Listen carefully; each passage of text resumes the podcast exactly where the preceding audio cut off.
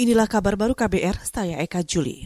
Saudara Wakil Gubernur DKI Jakarta Ahmad Riza Patria dicecar 46 pertanyaan oleh Polda Metro Jaya terkait dugaan pelanggaran protokol kesehatan dalam kerumunan massa di Petamburan dan Tebet. Dua acara itu juga dihadiri pimpinan Front Pembela Islam FPI Rizik Sihab.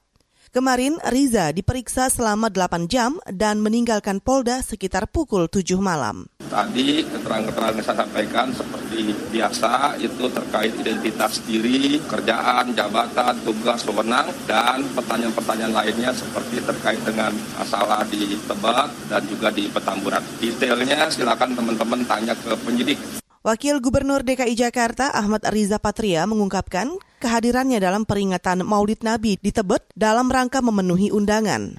Ia mengakui jumlah warga yang hadir dalam acara itu cukup banyak. Sebelumnya, Gubernur DKI Jakarta Anies Baswedan juga diperiksa dan dicecar tiga pertanyaan. Kita ke soal korupsi. Komisi Pemberantasan Korupsi atau KPK menyetor uang pengganti sebesar 2 miliar rupiah lebih ke kas negara dari Elvin Muhtar. Elvin merupakan terpidana kasus suap proyek jalan di Kabupaten Muara Enim, Sumatera Selatan. Juru bicara KPK Ali Fikri mengatakan penyetoran uang pengganti merupakan bagian dari eksekusi putusan pengadilan.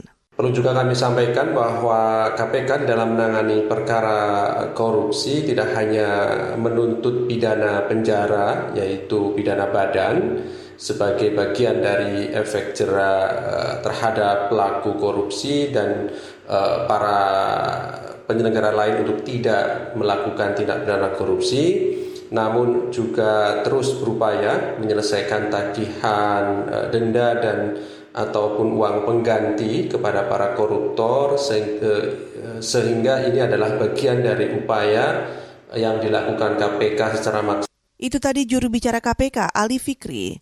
Saudara terpidana Elvin Muhtar dijatuhi hukuman penjara 4 tahun dan uang pengganti lebih dari 2 miliar rupiah pada April lalu.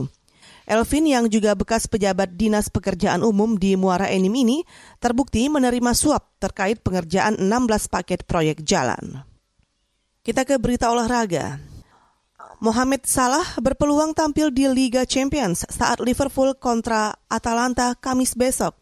Salah sudah dinyatakan negatif COVID-19 pada hari Minggu kemarin usai menjalani isolasi mandiri. Pemain internasional Mesir ini langsung ikut berlatih di Melwood. Ia juga mengunggah swap foto di lokasi gym melalui Instastory. Pelatih The Reds, Jurgen Klopp mengatakan Mohamed Salah harus menjalani dua tes lagi sebelum dinyatakan benar-benar pulih.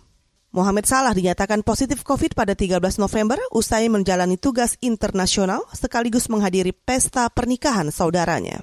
Saudara, demikian kabar baru. Saya Eka Juli.